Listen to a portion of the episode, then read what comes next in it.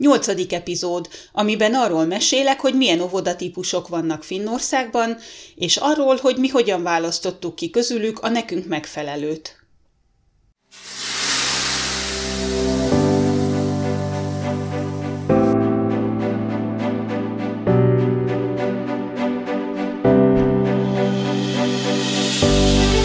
Ez itt a Finnország felé félúton, a Történetmesélő Podcast. Lapföld kapujából, Rovaniemiből mesélek neked a forró szaunák és a hidegvízű tavak országáról, és arról, hogy milyenek a hétköznapok az északi sarkörön.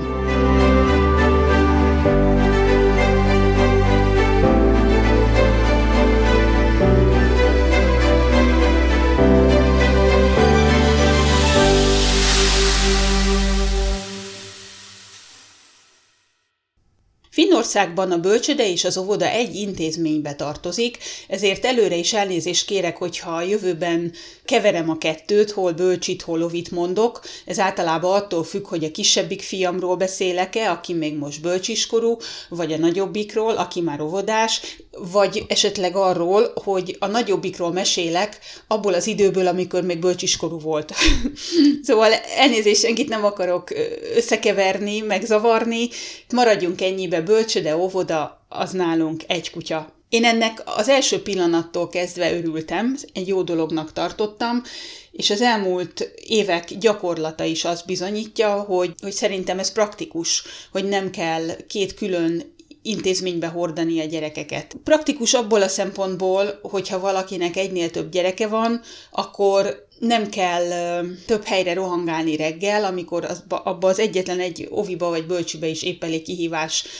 időben megérkezni. Tehát így a tulajdonképpen az egyévestől a hat éves korú gyerekekig bezárólag mindenkit ugyanott lehet reggel kirakni és délután összeszedni. A helyzetet tovább könnyíti, hogy nagyon sok helyen az óvoda mellett van rögtön az általános iskola is, tehát hogyha úgy oszlanak el a gyerekek a családban, hogy van már általános iskolás és óvodás bölcsis is, akkor mindenkit lehet ugyanoda hordani. Aztán olyan szempontból is praktikus dolog ez szerintem, hogy a gyerekeknek nem kell két helyre, két külön helyre beszoknia. Tehát nincs az, hogy beszoktatod a, a picit a, a bölcsibe, és akkor mire megszokná, addigra mehettek oviba, és akkor kezdődik az egész őrület előről. Itt erről nincsen szó, egyszer kell beszokni, és akkor onnantól kezdve ugyanoda jár a gyerek éveken keresztül ez nem csak a gyereknek, hanem azért a, szerintem a szülőknek is könnyebbség. Én azt veszem észre magamon, hogy most már egyre kevésbé vagyok rugalmas, főleg az ilyen gyerekes dolgokban. Nekem is segítség, hogyha nekem sem kell újra beszokni másik intézménybe, maximum az új nevelőket kell megszokni, amikor a gyerek egy másik csoportba kerül. És végezetül szerintem azért is jó dolog az, hogy a bölcsi meg az ovi egy helyen van, mert nálunk például abból egyáltalán nem volt para, hogy mikor lesz a gyerek szobatiszta. Tehát nem, nem fordulhat elő az a helyzet, mint ahogy hallom otthon sokszor, hogy júj, most akkor megy a gyerek oviba, de, de, de még nem szobatiszta, vagy, vagy most akkor mit csináljak, hogy szoktassam. Nálunk ez teljesen elmaradt, mert hogy hát ugye, mint említettem, ugyanoda járt, szoktatták úgy, ahogy a, a gyerek megérett rá. A bölcsöde mellett az oviba járnak az iskolai előkészítősök is, nem mindenki, mert vannak általános iskolák, ahol szintén van iskolai előkészítős csoport. Ez nem tudom, hogy min múlik, hogy mi alapján döntik el a szülők, hogy ott tartják-e az oviban erre az egy évre még a gyereket, vagy átviszik inkább a, az iskolába. Mi itt még nem tartunk. Tehát még ez hozzátartozik a képhez, hogy a a legkisebbektől, tehát ilyen, mit tudom én, 11 hónapos kortól egészen 6 éves korig bezárólag lehet egyetlen egy intézménybe járni itt Finnországban. Ami az óvodákat illeti, háromféle óvoda létezik Finnországban, legjobb tudomásom szerint. Vannak itt úgynevezett ilyen családi ovik, ami azt jelenti, hogy egy szülő, akinek van egy vagy több gyereke, bevállal még a saját gyerekei mellé néhányat, és ő marad otthon velük. Van, akinek ez szimpatikus, mert hogy nem akarja a gyerekét nagyobb közösségbe adni, azt gondolják, hogy ez mégiscsak egy családiasabb légkör, Nekem nincs ezzel személyes tapasztalatom, internetes fórumokon olvastam róla annak idején, olvastam jót is, rosszat is, de nekünk ez nem jelentett volna megoldást, mert hogy amikor mi ovit vagy bölcsi helyet kerestünk Inarinak, akkor nekem az volt a, úgymond a gondom, hogy Inari tele van energiával, végtelenül szociális, tehát én azt gondoltam, hogy neki intézményi háttérre, gyerek közösségre van szüksége, tehát ezt nem, nem gondoltam volna, hogy ez most neki olyan nagyon nagy változást hoz az életébe, hogy nem velem kergetőzik itthon, hanem egy vadidegen nővel, meg mondjuk még két másik gyerekkel, de ugyanúgy egy, egy lakásban ücsörög, úgyhogy mi ezt a, az opciót egyáltalán nem is vettük számításba, de létezik, és van, aki szereti. Az ovikat tekintve pedig vannak a városi fenntartású óvodák, óvodák, és vannak a magánintézmények. Amennyire én emlékszem, Magyarországon inkább a magán fenntartású intézmények szoktak talán a jobbak lenni, a jobban felszereltek lenni. Itt szerintem fordítva van, tehát a városi intézmények valahogy megbízhatóbbak, jobban szabályozottabbak talán, és ezért mi is e felé hajlottunk, de végül úgy alakult, hogy Inari magán bölcsibe került, és aztán ezt a hagyományt folytatva a picit is ide adtuk be. Nem tudom, hogy ez mennyire volt jó vagy rossz döntés, majd egy külön epizódban mesélek az ovis életről, az ovis mindennapokról, és akkor majd ebben kitérek jobban a részletekre. Maradjunk annyiban, hogy, hogy mi magánintézménybe járunk, tehát a mi, az, vagy az én tapasztalataim, amit a, a, az óvodáról elmondok, az mindig erre az intézménytípusra vonatkozik inkább, tehát az, hogy egy városi óviban mi hogy működik, nekem azzal kapcsolatban nincsenek személyes tapasztalataim. Mivel nálunk eredetileg nem ez volt a szándék, ugye, hogy magánintézmény keressünk a gyereknek, én ennek annyira nem olvastam utána, de úgy tudom, hogy különféle tagozatos óvodák elérhetők országszerte. Egyszer, amikor utána néztem egy kicsit jobban, meglepődve láttam, hogy nálunk itt Rovaniemiben is van többféle magánovi. Az, ahova mi járunk, ez egy sporttagozatos óvoda, ami azt jelenti, hogy a, a testmozgás, a sportok különösen nagy szerepet játszanak ennek a, az intézménynek az életében, de úgy láttam, hogy, hogy vannak olyan ovik, ahol a zenei képzés hangsúlyosabb, vagy a mű, művészeti képzés hangsúlyosabb, illetve vannak angol nyelvű óvodák is. A Montessori óvodát és iskolát itt Finnországban Steiner iskolának vagy Steiner ovinak nevezik. Olyan is van, van a mi városunkban is, de fogalmam sincs, hogy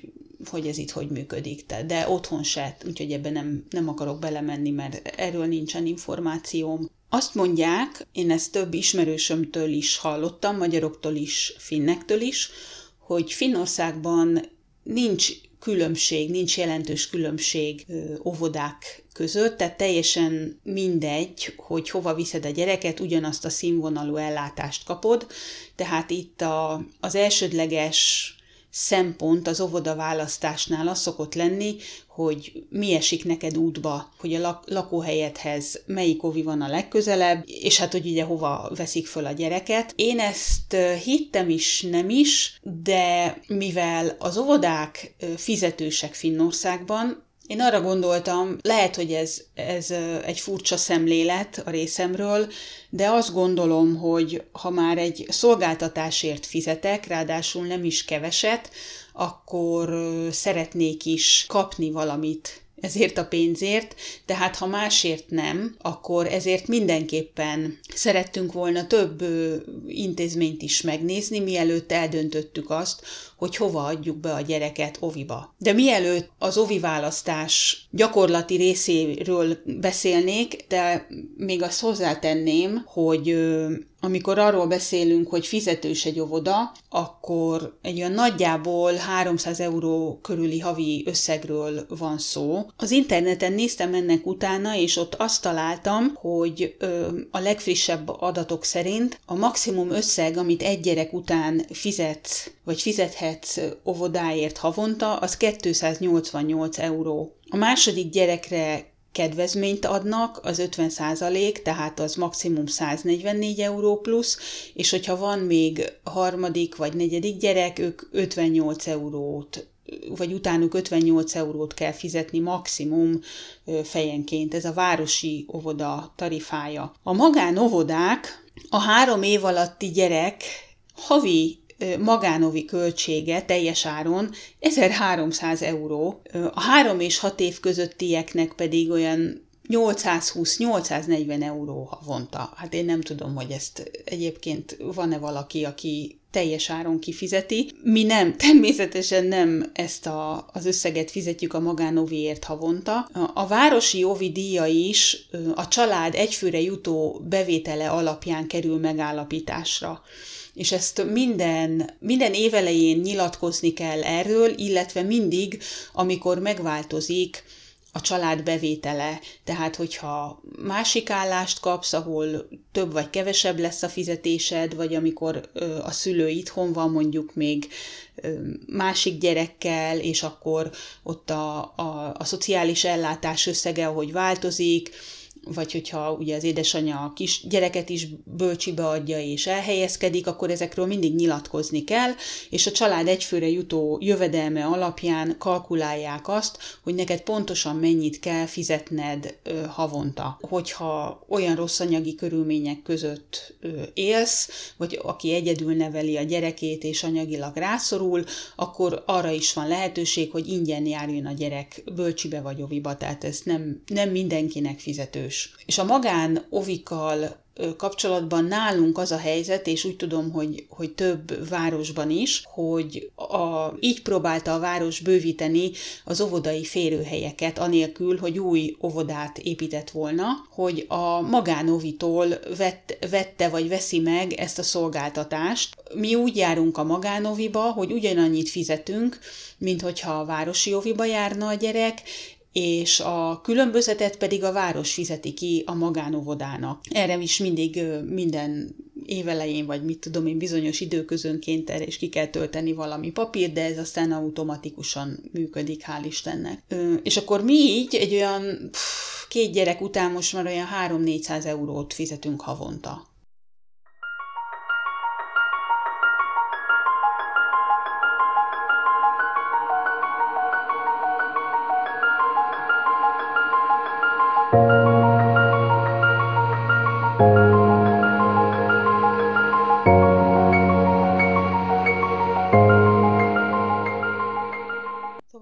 Gondoltam, hogy azért ezért a pénzért szeretnék kapni valamit, és több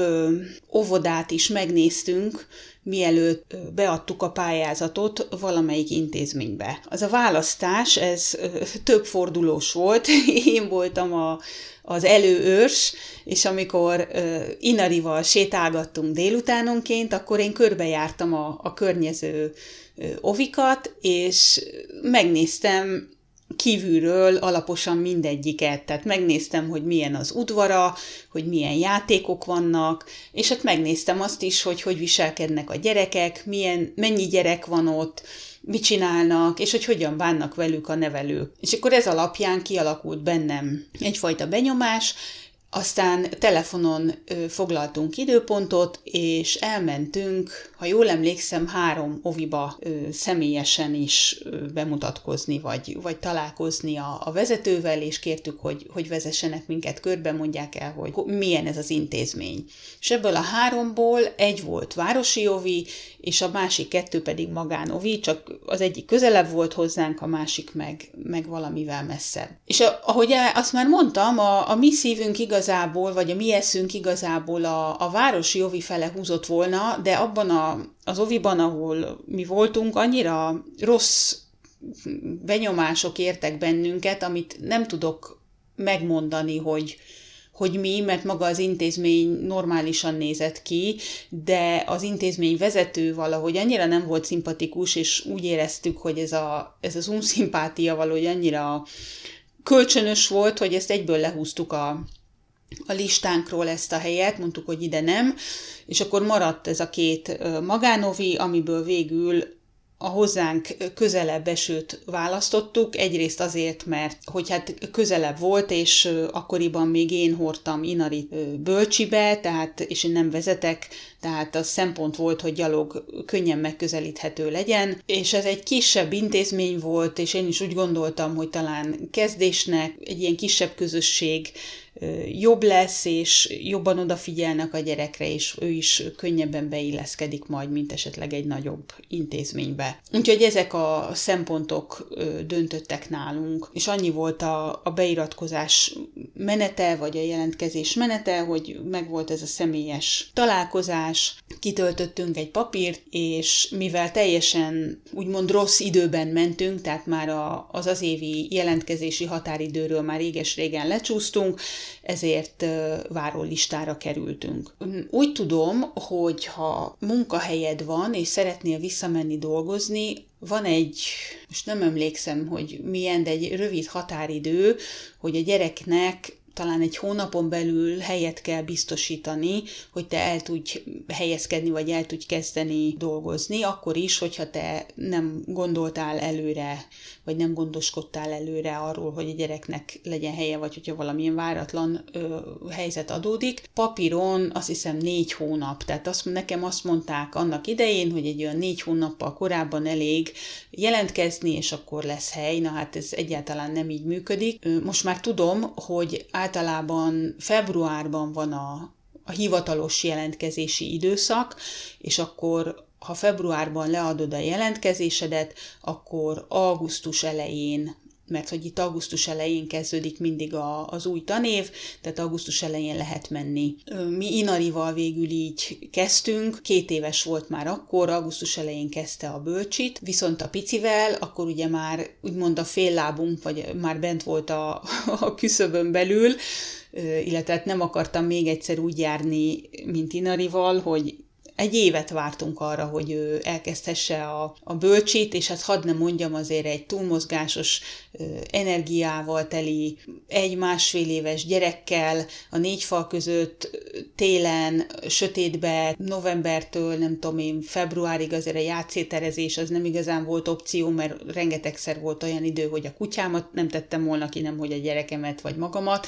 Tehát azért az az egy év, amíg az ovira vártunk, azért az igencsak hosszú volt nekem, de szerintem Minarinak is, úgyhogy én akkor megfogadtam, hogyha valaha még az életbe lesz gyerekünk, akkor én az tényleg születése után az lesz az első, hogy foglalunk neki helyet bölcsibe, és így is történt, de talán még terhes voltam, amikor már összefutottam az óvoda vezetőjével, és mondtam neki, hogy készüljön, mert ez a pici, hogyha kibújt, akkor majd nem sokára ő is jönni fog, és aztán így végül a picink 11 hónapos volt, amikor bekerült a bölcsibe, ő januárban kezdett évelején, tehát azt úgy beszél, február végén töltötte az egy évet, de amikor megkérdeztem, hogy mikor szeretnék, vagy nekik mikor lenne jó, hogyha ha jönnénk, akkor mondták, hogy jöhet nyugodtan a karácsonyi szünet után valamikor január közepén.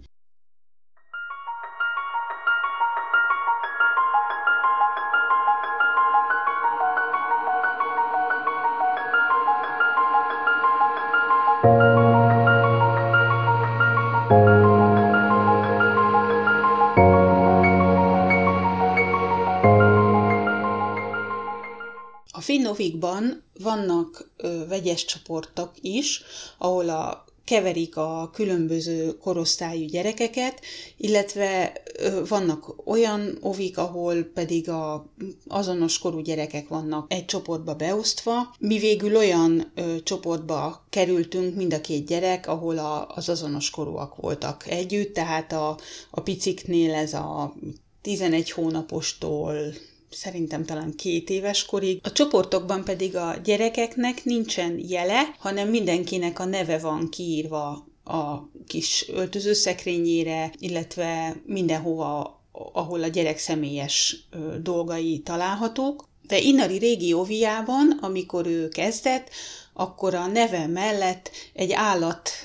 képe is ki volt téve. Azért mondom mindig, hogy régióvi, újovi, mert máshol laktunk, amikor Inari elkezdte a bölcsit, és aztán ahogy terhes lettem, akkor nagyobb házba költöztünk, másik helyre, és akkor ovit váltottunk. Szóval a régi oviban Inarinak volt jele is, mégpedig a hód. Ez a rajz volt neki a, az öltözőszekrényében kitéve, a fürdőben a kis törölközőjénél, hogy tudja, hogy melyik az ő kéztörlője, meg még talán a, az étkezőben a, a székére, székének a hátuljára is rá volt téve, és akkor tudta, hogy hova kell ülni. És ahogy aztán nagyobb lett, meg amikor beszélni kezdett, akkor megtanították neki, hogy ez, ez a hód, amit finnül úgy hívnak, hogy majava. És amikor abban az időszakban, amikor ovit váltottunk, akkor Inari előszeretettel mutatkozott be úgy, hogy amikor megkérdezték, hogy hogy hívják, akkor vagy azt mondta, hogy Majava,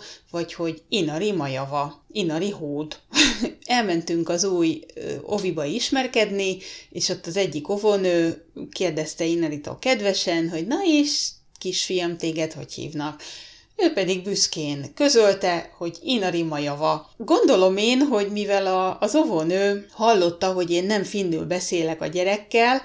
ezért hirtelen zavarba jött, mert nem tudta eldönteni, hogy most ez csak egy vicc, vagy tényleg így hívják a gyereket, hogy Inari hód. És ahogy nekem ez így, így leesett, így láttam a, a zavart az arcán egy pillanatra, hogy most akkor ezzel az információval mit kellene kezdeni, és belőlem kitört a röhögés, és elmagyaráztam neki, hogy nem, nem ez a gyerek neve, nem vagyunk magyarok vagyunk, vagyis, hogy én magyar vagyok, Magyarországon se adunk ilyen fura gyerek neveket, hanem ez volt a, a másik oviba a jele, és ezért hívja most ő éppen magát Inari Majavának. Úgyhogy így, így indult a, a bemutatkozás az új oviba, de aztán itt most a picinek például nincsen jele, tehát ott, ott neki csak a neve van kitéve, itt nem láttam ilyen állatos megkülönböztetéseket vagy állatos neveket. Amikor a Inarival elkezdtük a bölcsit, én nem, nem tudtam sokat az itteni bölcsödékről, mivel nem volt az ismerettségi körünkben bölcsiskorú gyerek, úgyhogy csak annyi infón volt róla, amit internetről innen-onnan összeszedtem, és az nem volt valami sok. Meg amit a, a bemutatkozáskor elmondtak nekem a, az óvónők, tehát azt tudtam, hogy itt nincsen jele a gyerekeknek, hanem a nevüket teszik ki, és azt tudtam, hogy, hogy sokszor kimennek a levegőre, tehát itt igazából a, az időjárás az minimális szinten befolyásolja azt, hogy a gyerekek mennyi időt töltenek kint. Ez azt jelenti a gyakorlatban, hogy ha fúj a szél, ha esik az eső, az önmagában nem kizáró tényező. Mínusz 10, mínusz 15 fok, a kicsiknél mínusz 10, a nagyobbaknál szerintem azért mínusz 15 fok az a tűrés határ, amíg, amíg nyugodtan ki lehet menni az udvarra. Nyilván amikor, amikor nagyobb a hideg, akkor van, hogy ez csak egy félórás szaladgálás, de én egy kezemen meg tudom számolni, hogy amióta Inari, aki most már négy és fél éves, tehát két és fél éve óvodás, hogy ez alatt az idő alatt hányszor volt olyan, hogy egyáltalán nem voltak kint az udvaron. És itt bizony kimennek a gyerekek esőben is, megmondom szinte bármilyen ö, időjárásban, az a lényeg, hogy, hogy mindig legyen az időjárásnak megfelelő öltözékük, a gumicsizma, a sárnadrág, az esőkabát, meg a vízálló kesztyű, az alapfelszerelés tulajdonképpen mi van most? Április, hát olyan áprilistól mondjuk októberig, de van, hogy még a téli időszakban, amikor vagy, van egy-egy enyhébb nap, és egy kicsit megolvad a hó, olyankor is rájuk szokták húzni ezt a sárnadrágot, hogy védjék a, a ruhájukat a, attól, hogy ne legyen vizes. Ha elisázik a ruha, semmi gond, mert minden óvodában van szárítógép, vagy ilyen szárító szekrény, tehát hogyha a délelőtti játék során a gyerekek cucca elázik, akkor bevágják a szárítószekrénybe, és a délután lehet újra menni pocsajázni. Erről majd mesélek még. Ezzel a pocsajázással kapcsolatban nekem vannak fenntartásaim, de alapvetően szerintem is ez egy nagyon jó dolog, hogy a gyerekek sokat vannak kint, sokat mozognak, sokat játszanak. És nem csak az ovi udvaron, hanem járnak úgymond kirándulni is, egészen a, a legkisebbektől kezdve, a nagyobbakig. A, a kirándulás az pedig abból áll, hogy mivel minden óvoda környékén van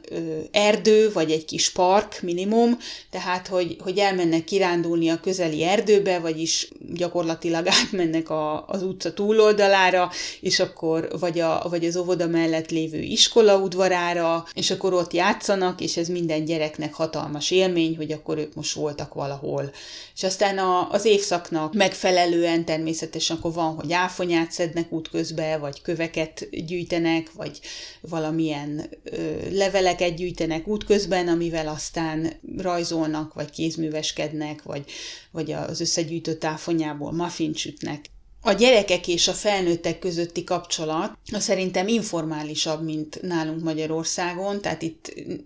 ez egyébként is jellemző a finn társadalomra, tehát itt sokkal kevésbé jellemző a, a magázódás, inkább csak a, az idősebbeket szokták, ugye tényleg az ilyen nagyon hivatalos környezetben szoktak magázódni, és itt a gyerekek is csak simán a, a keresztnevükön szólítják a, a pedagógusokat, és egy meglehetősen közvetlen viszony van köztük. Az OVI mint említettem, nem olcsó, de semmi más nem kell bevinni, vagy semmi másért nem kell már fizetni. Amíg a gyerek nem szobatiszta, addig a pelenkát visszük, illetve hát arról kell gondoskodni, hogy mindig legyen elég száraz ruha, váltóruha, de ezen kívül semmit nem kell bevinni, vagy semmiért nem kell fizetni, és itt a, a szülénapozás sem divat, amiért mondjuk én egyáltalán nem haragszom, tehát nincs ilyen, hogy, hogy valakinek szülinapja van, és akkor milyen tortát süssek, meg milyen sütit vigyek, mit vigyek, mit ne vigyek, tehát